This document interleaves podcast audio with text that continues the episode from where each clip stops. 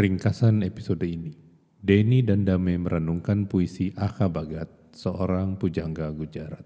Renungkan tentang empat tujuan hidup manusia.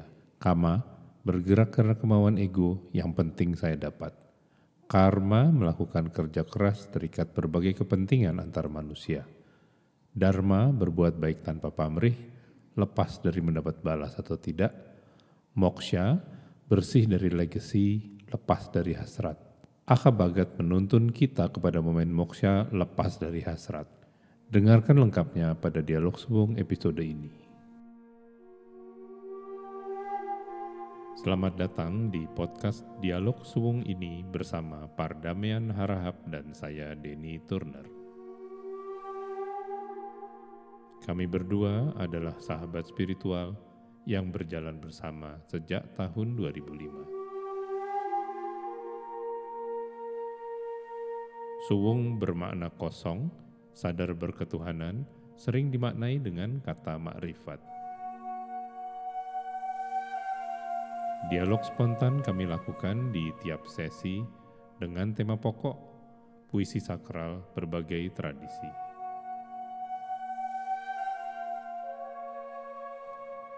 Dialog suwung ini dihadiahkan kepada Anda semua, sesama pejalan, sesama perindu Tuhan.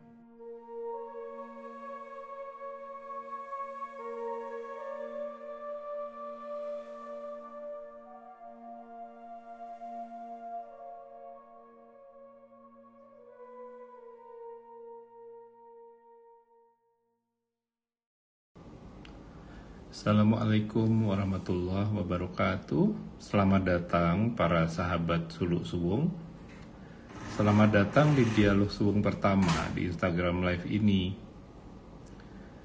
Nama saya Denny Turner. Saya baru saja recovery dari stroke 6 minggu yang lalu. Kondisi di antara hidup dan mati. Pada saat mengalami stroke tersebut, saya mengalami rasa damai dan tenang yang tidak terucap.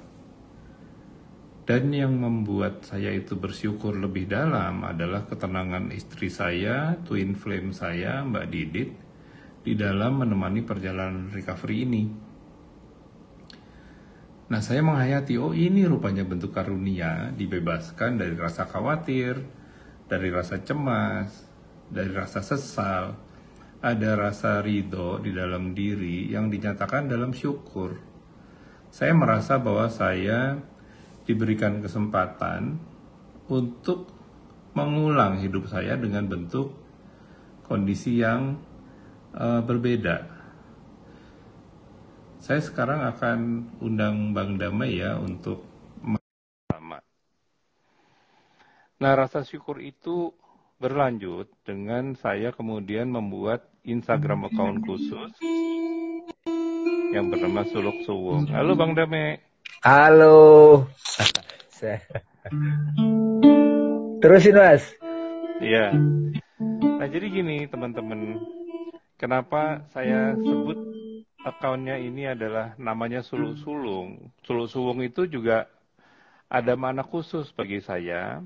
Yang pertama kata suluk itu berarti secara harafiah itu artinya menempuh jalan. Dalam kaitan dengan Islam, Suluk itu berarti menempuh jalan spiritual menuju Tuhan.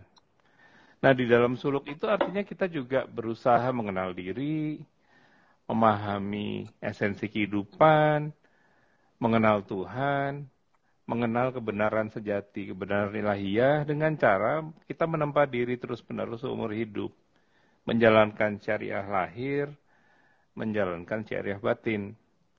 Kata suluk ini sendiri, saya google nih, itu dari terminologi Al-Quran, fasluki, itu di dalam surat An-Nal, ayat ke-69, fasluki subula rabbiki dululan, dan tempuhlah jalan robmu yang telah dimudahkan bagimu. Nah itu kata suluk tuh, makanya saya pakai. Yang kedua kata suwung.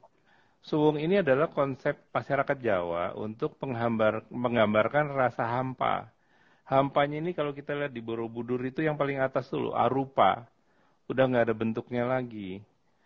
Jadi konsep suwung ini dipandang sebagai asal muasal alam semesta, hakikat dari semua hal, kenyataan mutlak yang nggak bisa dijangkau oleh siapa pun.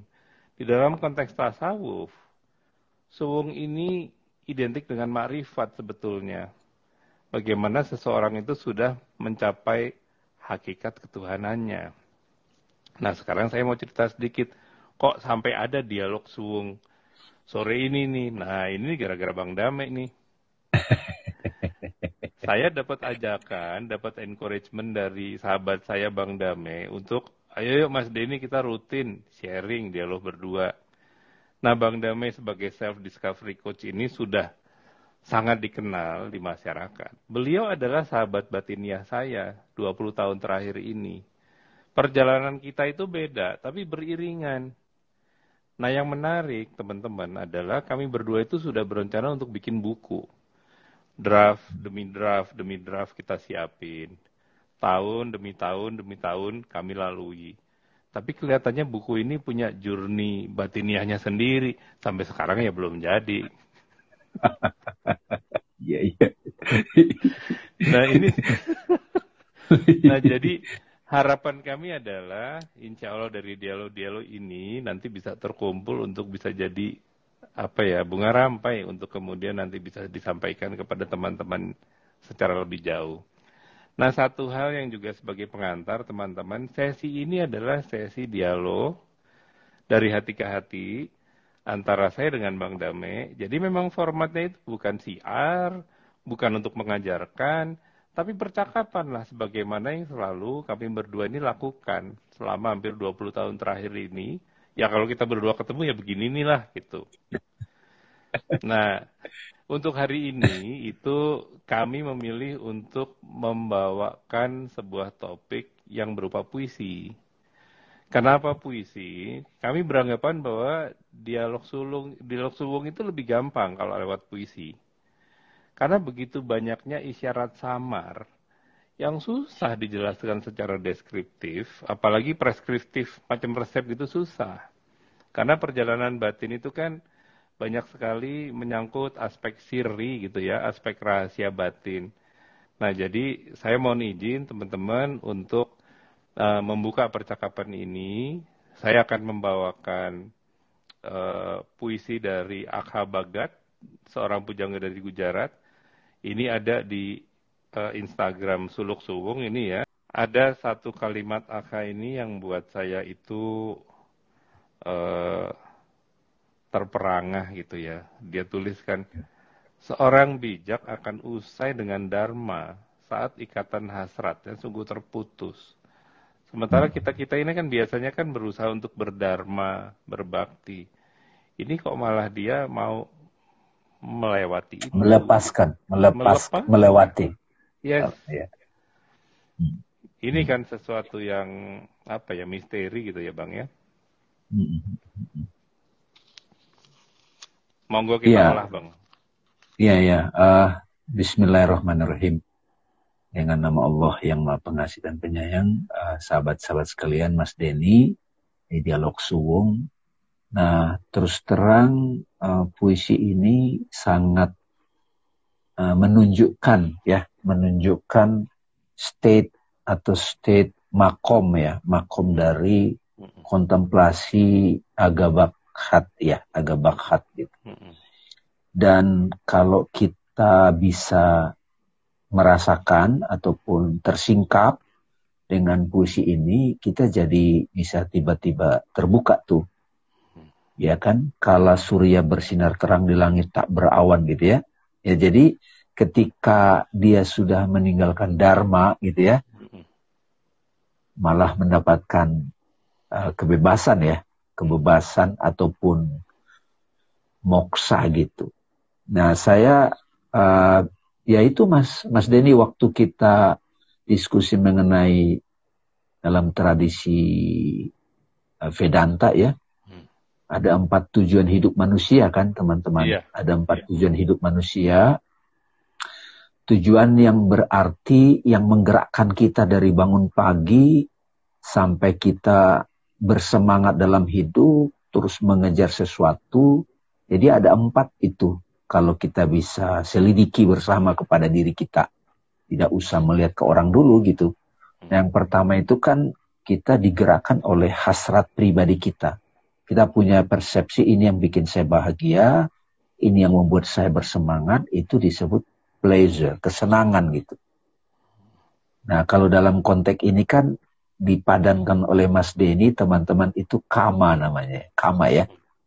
Jadi kama. sesuatu yang kama ya, sesuatu yang bergerak karena kemauan diri individu atau kita kasih nama ego gitu. Ya, maunya gue begini, yang maunya gue begini gitu. Dan kita paksakan itu, kita dapatkan, setelah itu kok begini aja ya, kok begini aja ya gitu ya. Terus malah kita bisa diserang oleh uh, orang lain juga dengan keinginan-keinginan kita itu. Nah, teman-teman yang mendengar ini kalau bisa periksa pengalaman hidup kita akan begitu. Saya sendiri juga begitu. Hmm, sama. Nah, lalu lalu kemudian kita mulai hmm. mengikuti sesuatu yang saling memberi manfaat gitu. Ya. Saling memberi manfaat gitu loh. Ya kan? Jadi tujuan kedua itu adalah kita ingin berhasil karena memang logikanya kan gitu. Setelah kita berhasil, kita akan bisa mempertahankan kebahagiaan, kesenangan kita kan gitu. Tapi di sini pun kita akan berhadapan dengan kepentingan-kepentingan yang lain. Ya, kepentingan-kepentingan yang lain. Nah, ini disebut kita digerakkan oleh karma ya. Ya, kalau yang pertama tadi kama, yang penting gua dapat. Kalau yang kedua ini karma gitu. Nah karma ini berkaitan dengan kalau gue kerja keras, gue dapat gitu. Kalau gue nggak kerja keras ya gue nggak dapat apa-apa gitu kan. Nah ini pun sebetulnya kita semua punya nih, punya punya pengalaman mempraktekkan ini. Lalu yang ketiga orang mulai lelah juga dengan itu. Masa hanya ini saja gitu. Dia mulai berdharma. Jadi yang menggerakkan dia itu kalau kita dulu sharing diskusi di kalau kita ngajar bareng ya Mas ya, hmm. itu kan kita nyebut oh, tugas hidup gitu ya, dharma ya. Yang meninggalkan warisan, meninggalkan kebaikan pada orang banyak, apakah saya mendapatkan untung atau tidak, saya tetap lakukan gitu. Ini kan sebetulnya mulia sekali sebenarnya kan. Ya, kalau kita bisa menemukan seorang wali kota, seorang bupati ataupun seorang menteri atau seorang pengusaha ya yang sudah digerakkan oleh saya berbuat kebaikan apakah orang balas atau tidak tetap saya lakukan. Ini luar biasa. Nah, ini kan hasrat dalam dharma kan, tugas hidup gitu. Ya, kalau yang pertama tadi kama, yang kedua itu karma, yang ketiga ini mulia juga, mulia banget malah. Dharma gitu. Jadi di kalau penduduk bumi ini misalnya 7 miliar ya karena berapa miliar gitu, hmm. ada sekelompok orang yang hidupnya itu dharma, misalnya seorang Bill Gates misalnya atau Mark Zuckerberg gitu ataupun seorang presiden, wah ini sudah harmonis. Tapi kalau yang kama, wah itu kan bisa merusak kan. Kama itu kan dia mencapai sesuatu merusak. Mm -mm. Ya kan? Kalau karma dia mencapai sesuatu, dia masih memperhatikan hukum kausalitas. Sebab akibat. Kalau dharma ini, dia berkorban pun, dia tetap lakukan.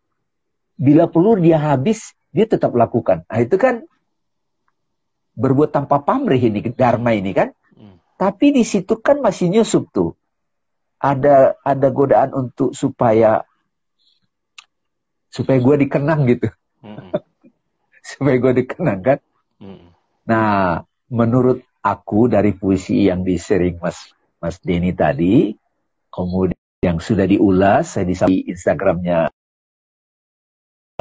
uh, su, Suluk Suwung, di situ rupanya uh, agak meninggalkan melampaui dharma untuk menemukan apa kekosongan suwung di saat dia hilang, kan terkesan tidak punya keinginan lagi di situ. Yes. Dia tidak punya keinginan lagi, hasrat kan? Tapi tiba-tiba dia bilang di situ uh, ada yang ulasannya Mas Denny itu pada saat makom ini ego sirna, lalu kemudian turun ke diri malah jiwa spiritualnya itu membara gitu. Ya kan? Nah ini yang menarik ini nih yang banyak teman-teman yang suluk. Saya sendiri juga merasakan juga. Kok kita nggak boleh sih punya keinginan ini, keinginan itu bersenang-senang kan gitu. Nah di sini yang banyak orang setengah jalan begitu. Dia nggak nyampe kepada dirinya habis. Egonya sirna. Nah yang menarik Mas Denny, begitu egonya sirna, bahkan Dharma pun dia nggak pikirin kan? Yes. Oke. Okay? Nah ini nih. Nah di titik inilah dia, dia dia freedom, hmm. dia moksa, hmm. Dia empty, tiba-tiba datang nyala lagi, tapi bukan lagi hasrat manusiawinya. Kan itu yang Mas Denny ya. Nah, perjalanan Mas Denny tadi waktu di awal itu menceritakan habis sakit habis truk physically juga dipatah dilumpuhkan kan mas? Lumpuh benar. Bolo-bolo boro-boro kalau lagi stroke mau ngajar mau ini kan nggak bisa juga kan? Nggak bisa nggak bisa. Nah pada saat semua itu dilumpuhkan di situ menemukan satu kemerdekaan yang tidak bisa diceritakan. Nah saat itulah muncul nyala yang luar biasa. Dan gitu, ini mas bang yang apa ya yang saya mau sharing gitu ya bahwa ini bukan benih dari jeripayah kita gitu loh. Ya, ya. Ini ini grace dari Tuhan gitu ya. Ini ini uh, barokah. Karena yang saya sungguh terkejut itu adalah pada saat stroke. Itu kan nggak bisa melakukan apa pun, mikir nggak bisa, fisik nggak bisa, gitu ya. Tapi kenapa yang muncul itu suatu rasa bahagia? Itu kan berlawanan dengan logika gitu ya. Maksudnya itu yeah. kalau kita sebab akibat, normal respons kita menghadapi situasi sakit, itu kan pasti ngelawan dong. Upaya, upaya ada berupaya ada terus gitu kan. wah kenapa aku begini? Terus kalau enggak apa? Aduh tahu gitu gue dulu makannya gue atur. Tahu gitu gue dulu begini. Nah itu yang saya kaget ya. Rasa itu nggak ada sama sekali. Rasa cemas itu nggak ada sama sekali. Rasa khawatir nggak ada. Dan di situlah saya kemudian bisa menghayati puisi aku ini tadi gitu.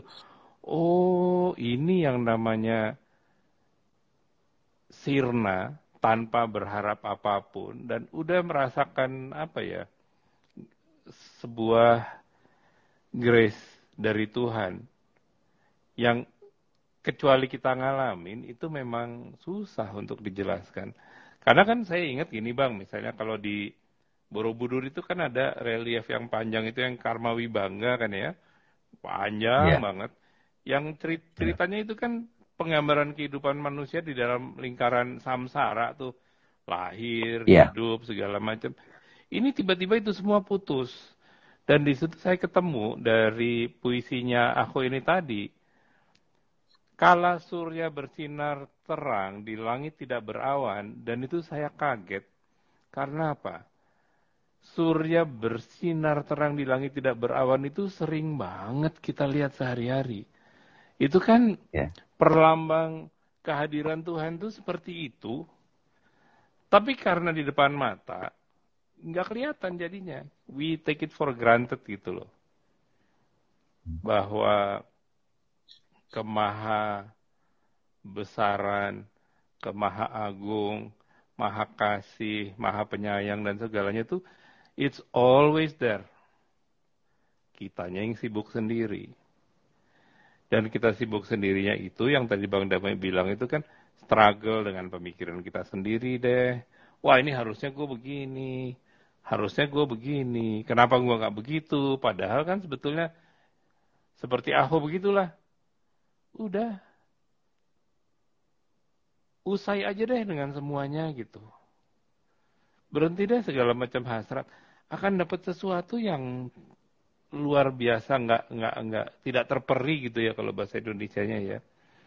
Jadi apa ya bang? Uh, perjalanan suluk ini penuh dengan apa namanya ya uh, lika-liku yang kita sendiri juga sering nggak pernah tahu gitu ya kan kalau saya pribadi itu mulai dari umur 18 gitu tapi waktu itu mulai itu sangat-sangat kognitif gitu semua itu dimaknainya itu dengan akal diujinya dengan akal. Seolah-olah nalar kita itu adalah ultimate tool untuk bisa menentukan ini proven atau enggak. Nah ternyata enggak. Dengan pengalaman ya. kemarin itu saya betul-betul diputuskan dari itu semua.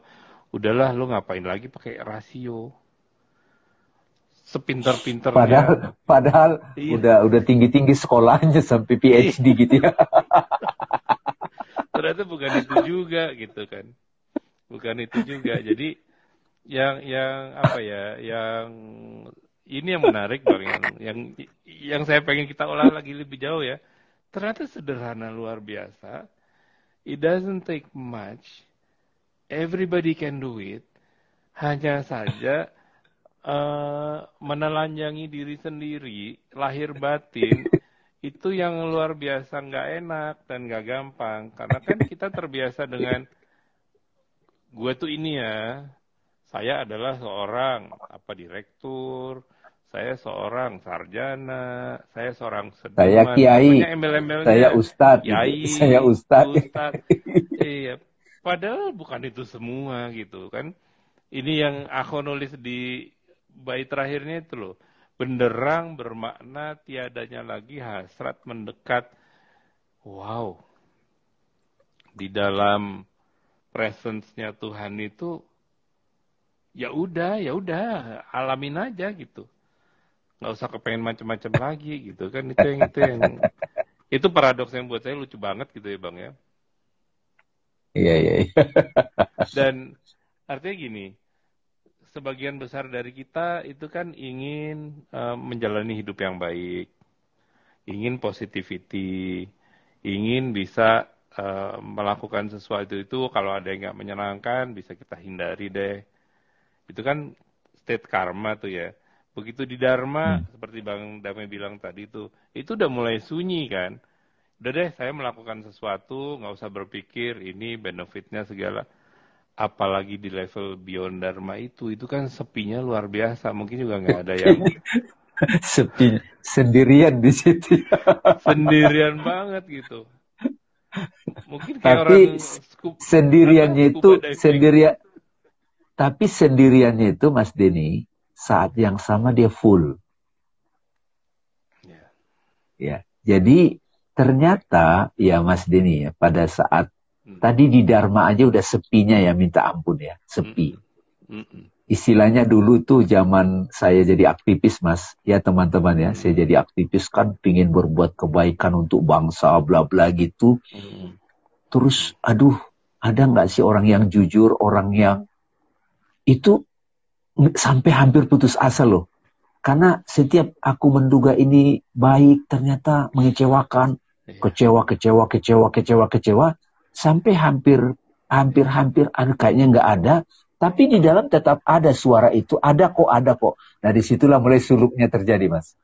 Suluknya itu kayak tawaf jadinya mas, bukan lagi mencari di luar, yeah. kan mencari yang ideal di luar, mencari yang ideal di luar.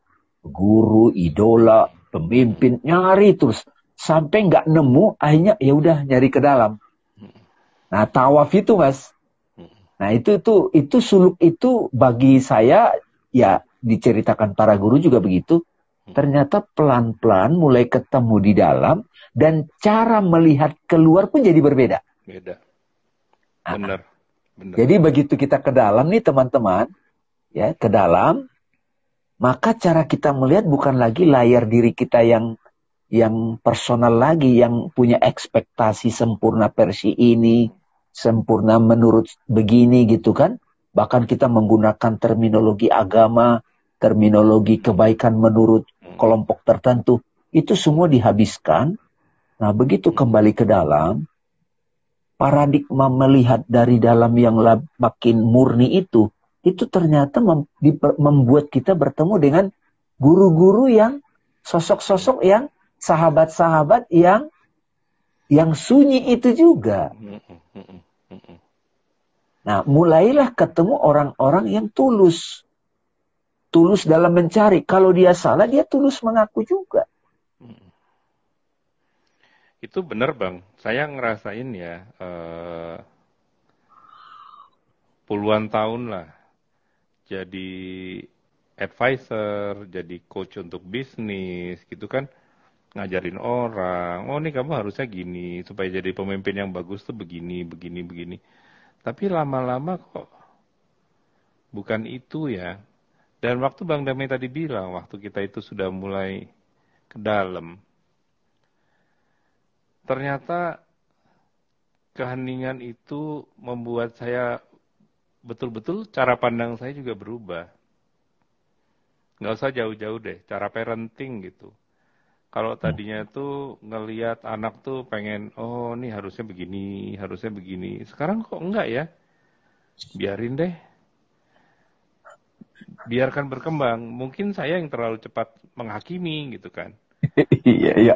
Punya ekspektasi gitu ya. Ekspektasi. Punya. Dan ternyata dengan itu apa?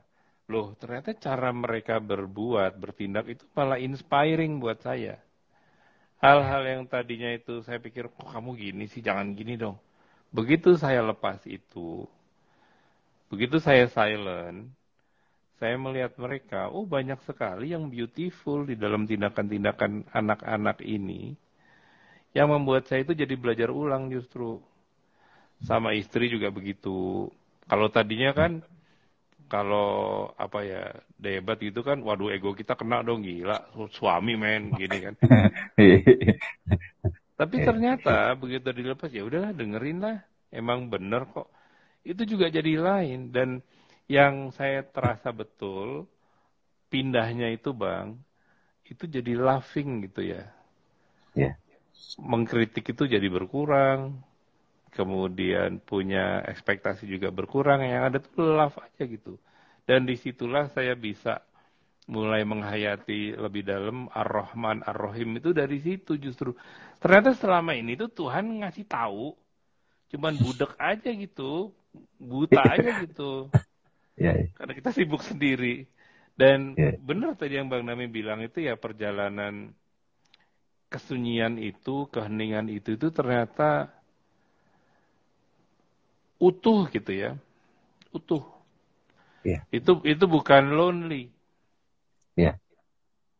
Makanya Mas Mas Denny, teman-teman, hmm. ada ekspresi yang sangat indah dari Al-Qur'an. Uh, penggambaran dari jiwa yang sudah mencapai itu kesunyian ataupun moksa tauhid itu. Hmm. Ekspresi indah dari Al-Quran itu hmm digambarkan dalam suratnya itu juga namanya bagus mas. Surat Al-Ikhlas. Surat Al-Ikhlas kan?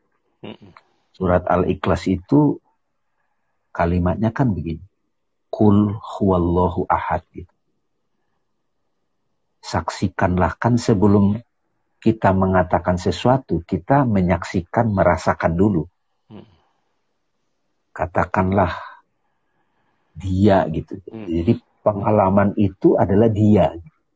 Who itu, who. Jadi cuman kalau diterjemahkan ke bahasa Indonesia kan dia itu he or she gitu. He or she. Kalau di tradisi Vedanta malah menggunakan kata itu kan itu. Tapi sekarang kita tahu itu dia, who itu bukan he or she. Tapi who itu adalah uh, pengalaman ataupun wujud yang kita saksikan, yang hadir sebagai pengalaman. Dia itu, hu, itu adalah Allah. Allah itu ahad gitu. Nah, jadi Mas Dini, yang moksa itu cuma satu. Di semesta ini siapa? Ya dia gitu. Jadi belakangan saya pelan-pelan mulai renungkan, moksa itu bukan banyak, satu. Jadi di alam semesta ini kalau yang tampak manusia itu banyak, miliaran. Hmm. Di antara miliaran itu manusia juga kayak piramid. itu cukup satu sebetulnya. Nah, yang moksa itu sebetulnya satu-satunya aku. Nah, dia itu Allah, ahad. Tetapi dia yang ahad itu, yang empty itu, dia somat menjadi sandaran buat semua. Dia full, jadi somat itu selain artinya sandaran, dia juga fullness. Itu apa ya, saya kadang-kadang kesulitan menggunakan kata-kata mengungkapkan keindahan teks itu. Kalau surat Al-Falaq kan itu kan aku berlindung. Kul falak. Jadi perjalanan kita masih butuh perlindungan. Oke? Okay? Kul auju binas juga butuh perlindungan. Tapi begitu di surat Al-Ikhlas, nggak ada nggak ada kebutuhan perlindungan. Jadi iya. maka makanya sahabat-sahabat sekalian, Mas Denny, perjalanan suluk ini tidak bisa setengah jalan.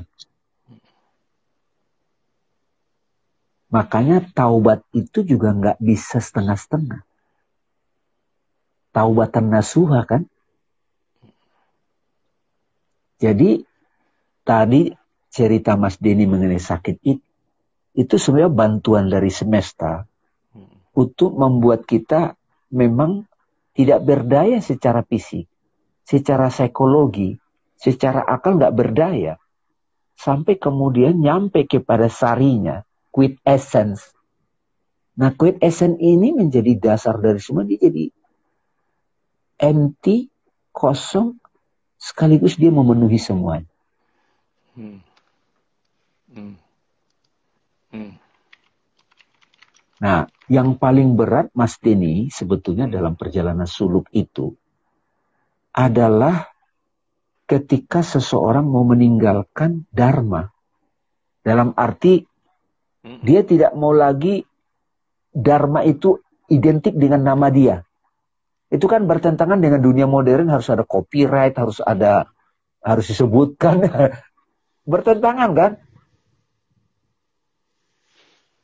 Ya. Nah, kalau saya sering bilang kalau meninggalkan keburukan itu pakai akal cukup menganalisa. Siapa pun kan keburukan dia nggak suka. Tapi begitu sudah sesuatu yang sudah saya bangun, bahkan itu jadi identitas saya, itu menjadi reputasi saya, saya bahkan membantu orang banyak dari situ. Tiba-tiba kita tinggalkan mas. itu berat sekali. Padahal caranya supaya moksa, supaya melampaui karma, apa dharma, itu satu-satunya caranya itu. Ini saya jadi tangkap sesuatu nih Bang dari apa ya uh, dari sharingnya perbincangan ini. ini. Uh -uh. Saya memaknai al-ikhlas itu dapat lagi sesuatu gitu ya. Bahwa ada dua nih. Yang pertama, al-ikhlas itu ikhlas kan asal katanya kalas gitu kan. Iya. Iya. Su, ya suwung gitu. Suwung. iya betul. Jadi ikhlas ini lah suwung gitu ya. Iya. Gak ada yang lain ya. Iya, udah dan dia aja. Dan, saya baru bisa uh, menghayati al ikhlas manakala saya sendiri udah sirna. Ya. Sirna udah udah bener tadi kayak Bang Dama bilang yang moksa itu hanya satu. Artinya apa?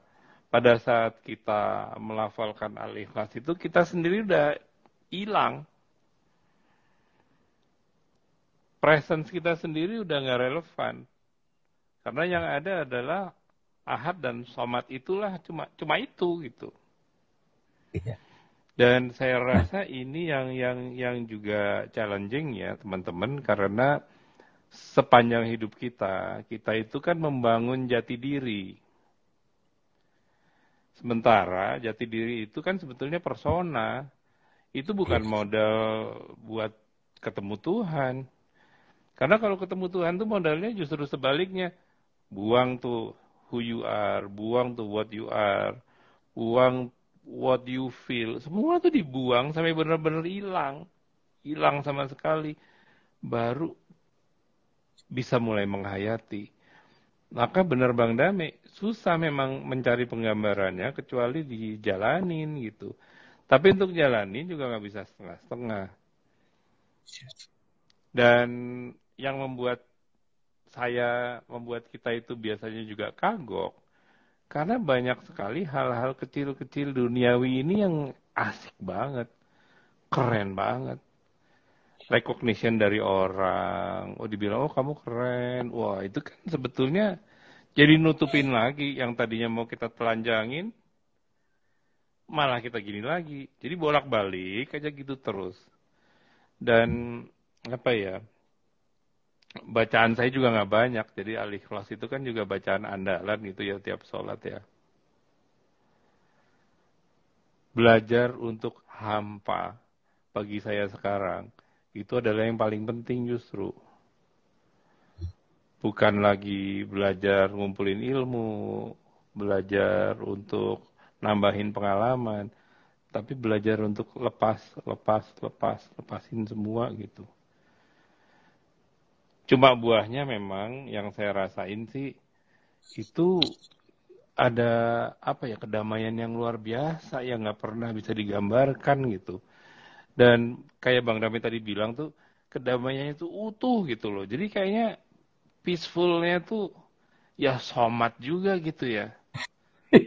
itu kan cuman cuman apa ya percikannya doang yang yang saya dapat tapi percikannya juga kayak gitu rasanya gitu loh Jadi kalau Siddhartha Gautama hmm. sebagai sosok yang hadir dalam sejarah, yang dalam sejarah juga diceritakan beliau itu memiliki kekuasaan besar di bumi ini, anak raja, bahkan yang akan mewariskan kerajaan gitu ya, Kapilawastu, tapi dia gelisah dengan itu karena dia disadarkan oleh kenyataan yang dia saksikan setelah dia keluar dari istana, dia melihat ada orang sakit gitu ya. Itu siapa? Itu orang sakit kata pengasuhnya. Apakah satu saat saya bisa begitu? Oh iya, kamu satu saat akan sakit. Berarti perjalanan itu ada kaitannya dengan membaca sakit, Mas Denny. Ya, penyelidikan terhadap sakit itu aneh tuh. Nggak mungkin orang selalu sehat, pasti ada sakit. Nah, kedua, dia menyaksikan ada orang jadi tua, bungkuk gitu kan. Yang mesti ini bilang, wah nanti kalau udah tua mau pup aja susah gitu kan jadi satu saat saya akan begitu juga. Oh iya kata, waduh gitu jadi dia mikir. Sampai yang ketiga dia ngelihat ada orang ditangisin geletak gitu. Itu apa? Itu orang sudah mati. Satu saat saya akan begitu. Oh iya, waduh. Nah yang keempat, dia menyaksikan bersama pengasuhnya. Ada orang lagi duduk diam. Itu siapa? Itu seorang pertapa gitu. Kenapa dia begitu? Karena dia ingin melampaui sakit, tua, dan dan mati tadi.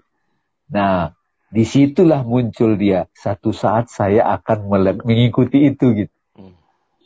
Dan dia menikah dulu, punya anak, jadi wow punya gitu. Tapi kegelisahan terus datang dan cerita Siddhartha ini itu tetap menjadi perjalanan kita juga. Sesuai dengan ya cerita hidup kita masing-masing atau bahasa dalam India namanya karma kita masing-masing dalam kehidupan ada pasti satu titik kita akan ah, aku mau tinggalkan dulu semua ini. Nah, menurut riwayat, enam tahun dia tinggalkan itu, baru dia menemukan titik kehampaan itu yang disebut emptiness.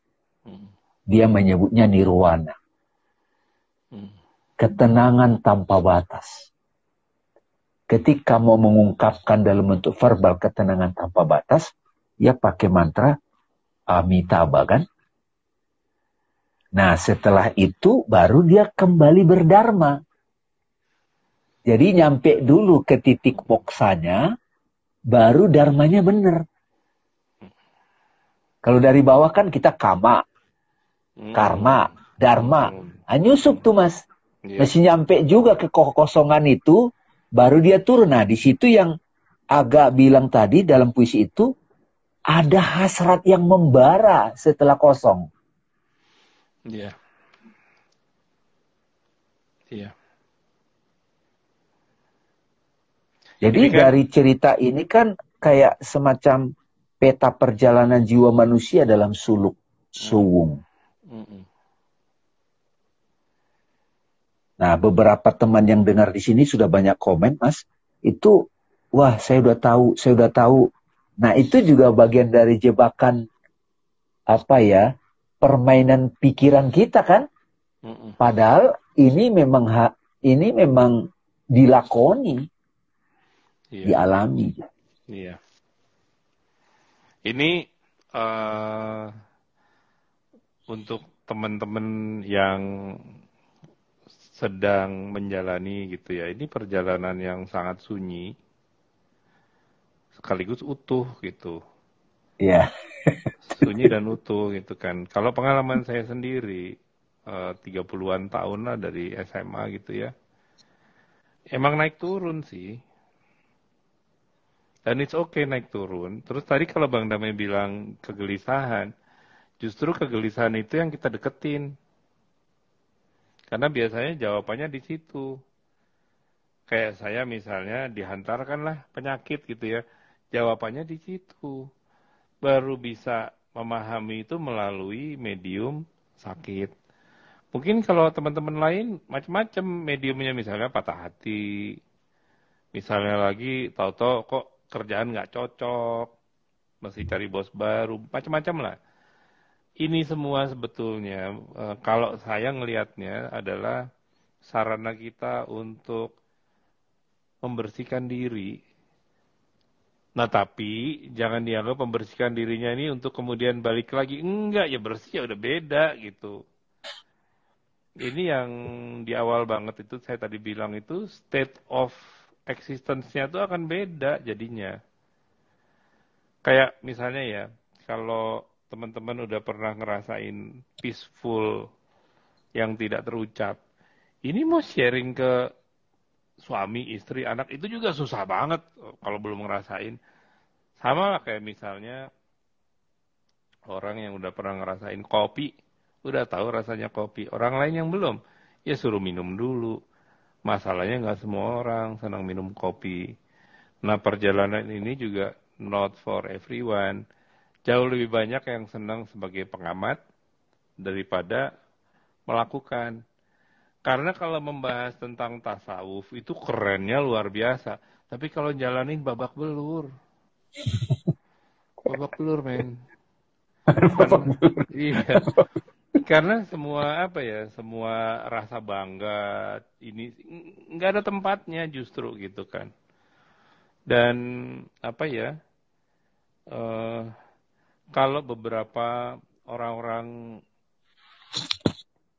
yang spiritual gitu yang pernah saya datengin gitu ya belum ngomong aja udah adem banget gitu kan aduh gue pengen deh kayak gitu. Tapi ternyata pengen kayak gitu gak gampang ya. Karena ternyata apa? Yang saya rasakan ya Bang ya, kita ini kan hidup di dunia kerja yang sama sekali alamnya itu kebalikan dengan perjalanan menuju Tuhan ini. Istilahnya kalau zaman sekarang kan budak korporat gitu ya. Iramanya cepat sekali, kerjaan demi kerjaan demi kerjaan demi kerjaan. Atau kalau untuk teman-teman yang freelance juga sama aja. Proyek demi proyek demi proyek demi proyek. Itu nggak sempet mikirin hal-hal yang peaceful. Substansial substansial, seperti. Nggak sempat nah ini perlu disiapin waktunya emang gitu kan. Dan nyiapin waktunya ini tergantung juga kalau menurut saya interest kita gimana gitu saya sendiri kan dulu kan ya Bang Dame tahu lah kerjanya kayak orang gila gitu ya. Iya. Tapi apa yang dicari begitu di ujungnya, walah yang dicari ketenaran, bukan itu ternyata. Ketenaran tidak akan membuat kita jadi terselamatkan, gitu kan. Sekarang modal untuk bisa selamat apa? Ya tunduk. Untuk tunduk gimana? Ya udah lepasin semuanya. Dan baru ya bang beberapa saat terakhir inilah saya bisa mulai ketemu oh ini nih ya. Selama ini saya berusaha mencari peace berusaha mencari apa namanya serenity dengan cara logik nggak ketemu ya. nggak ketemu Dan, karena apa ya itu itu kan kita butuh kita kan butuh percikan karunia Tuhan gitu untuk keangkat ya, bukan bukan dari kita gitu. Ya. Itu betul. Dan dari kita itu modal utama intention memang. Jadi ada niat atau himmah gitu kalau di tasawuf itu namanya himmah. Himmah itu kalau di bahasa Inggris kan itu strong will, gitu. tekad. Dan itu makanya memang pejalan itu mas suluk salikin itu itu pemberani. Pemberani, Mas. Dan ini tidak ada kaitannya dengan gelar akademis, kekayaannya, tidak ada kaitan. Ini tentang soul gitu ya. Nah di situlah butuh uh, luar biasa. Dan saya sendiri Mas Denny ketika, karena kan kita melewati juga ya, mengerti dari pengalaman. Dari bacaan kita buat sebagai peta gitu terus juga penyelidikan diri gitu ya. Kontemplasi lalu pada waktu ada jiwa-jiwa yang hadir kita dipertemukan Tuhan juga loh ya. Kayak di sini Mas Denny ada yang dengerin 59 orang nih. 60 nih sekarang nih. Ini kan juga orang-orang yang yang memang punya panggilan ke situ jalan sunyi gitu. Dan nah ini seperti kita naik gunung banyak jalan kita ketemu di pengkolan kemudian ketemu ih sama ayo jalan bareng kita saling menguatkan. Ada capeknya benar ada capeknya. Tapi ada yang sudah nyampe mas ke atas dia turun memandu. Memandu perjalanan gitu loh.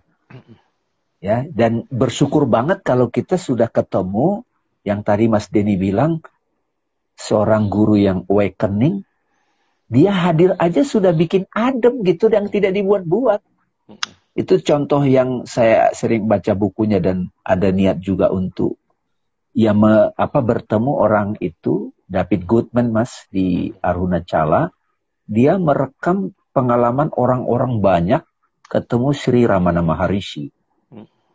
Sri Ramana Maharishi kan jalan suwung banget Mas. 16 tahun dia ada trigger untuk menyelami kematian. Langsung dia ke Tirupannamalai Aruna Cala bertapa di sana cah kembali gitu. Ini Mas Denny, ini ada pertanyaan yang menarik nih dari sahabat.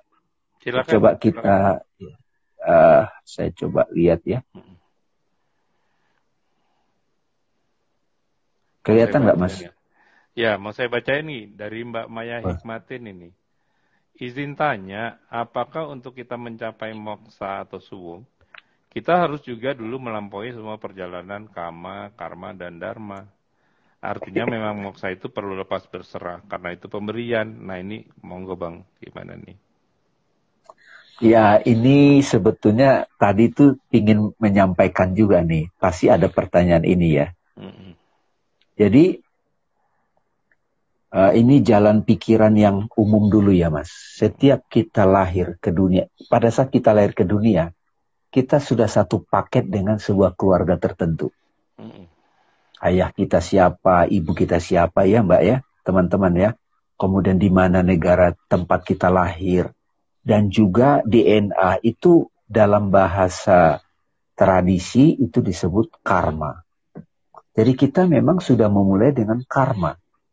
Nah, ada yang menyebut good karma, ada bad karma. Nah, bad karma itu jadi kama tuh.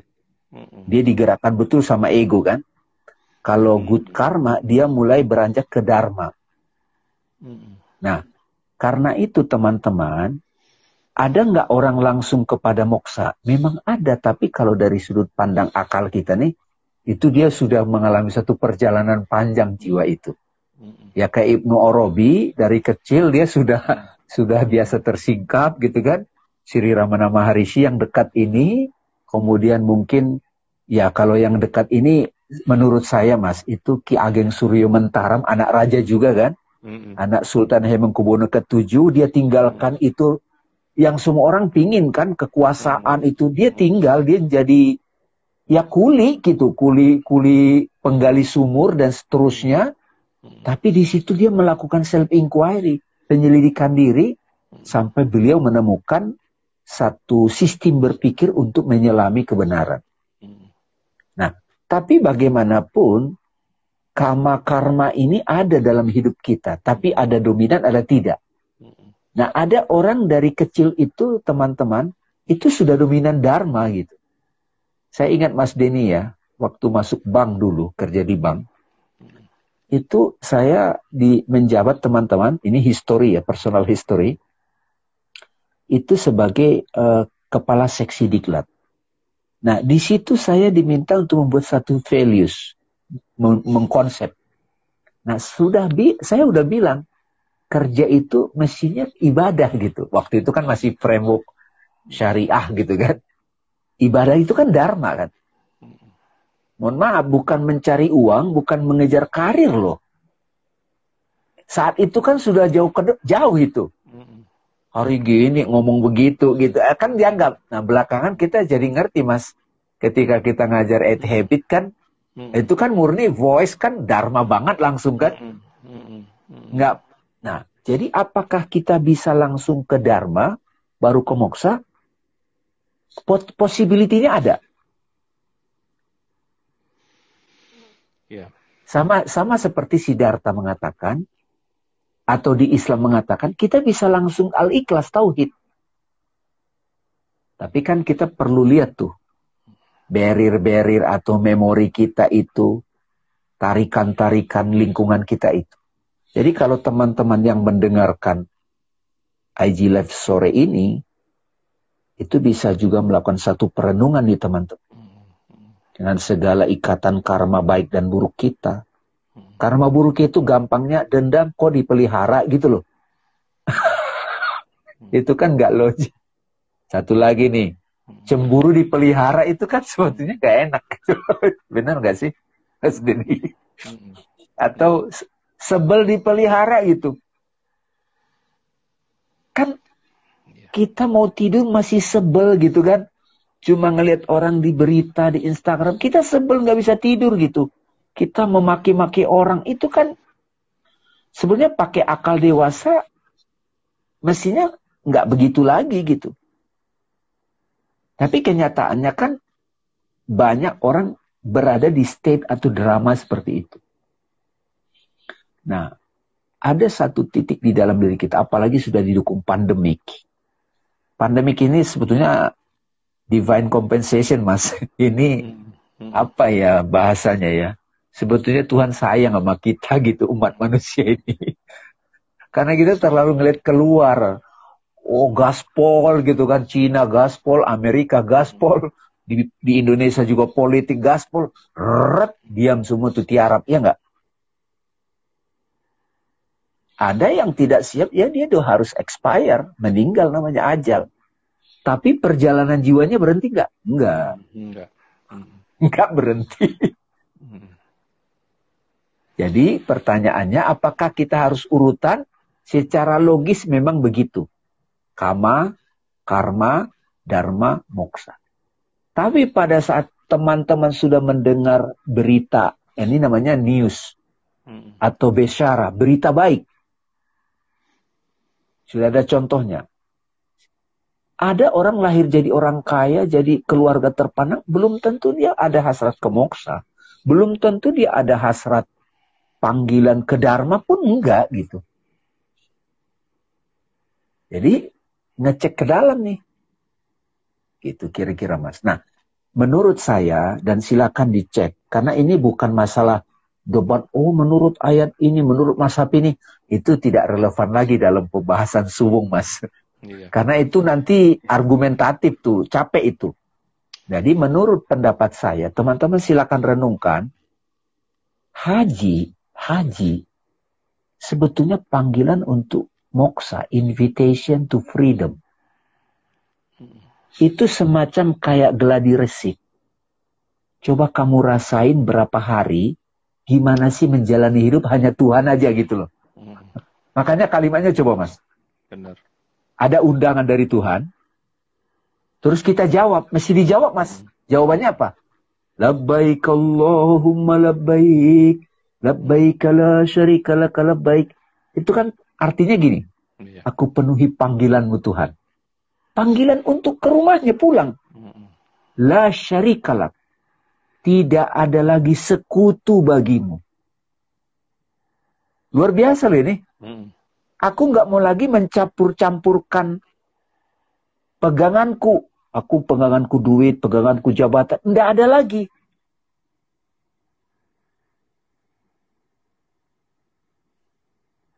Nah setelah itu mas, teman-teman, kita langsung komit ganti identitas, benar gak? Ganti baju.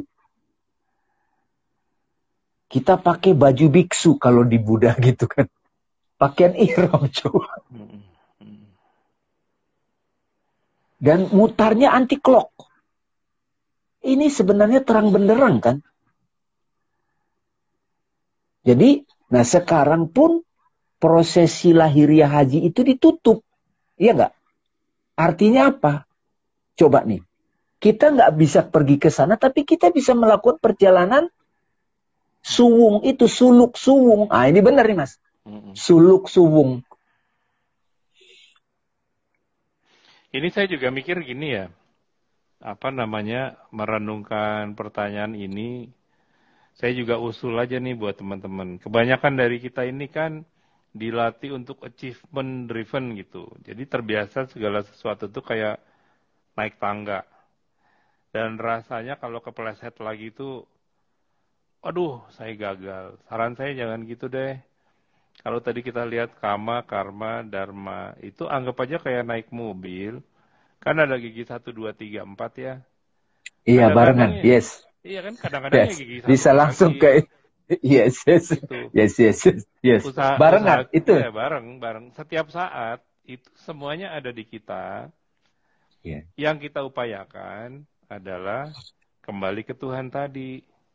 Yang kita yeah. upayakan. Yeah. Tapi juga iya. nggak yeah. usah terlalu keras ke diri sendiri kalau misalnya, waduh kok ternyata gue masih cemburuan ya. Kok ternyata gue masih, ya udah terima aja dulu. Iya, iya, iya. Artinya kan yeah, emang, bener. apa state of mind kita ya memang masih lebih kental gigi dua misalnya. Ya udah latihan supaya jadi lebih banyak ke gigi empatnya gitu. Dan tadi soal haji itu buat saya juga menarik ya bang ya. Karena kan yang saya dulu juga diajarin sama guru itu haji itu kan hujah gitu ya. Itu proof proof bahwa udah nggak ada lagi kecuali beliau itulah kecuali Tuhan gitu. Nah cuma karena dunia kita sekarang ini kan sedemikian dunia material. Jadi hal-hal yang sifatnya rohani kayak begitu kalah hingar-bingar dengan sesuatu yang kurang menarik secara visual gitu kan ya. Dan Mas. Uh, Halo. Mas. Iya ya, ya Bang. Dari tadi saya itu takjub dengan analogi gigi itu, gigi hmm. kopling itu loh. Gigi satu, gigi dua, gigi tiga, gigi empat ya. Mm. Kama, karma, dharma sama moksa gitu. Sama moksa iya. Tapi tapi Mas, memang agak susah langsung ke empat kan kalau start mm. kan. Kami undur diri.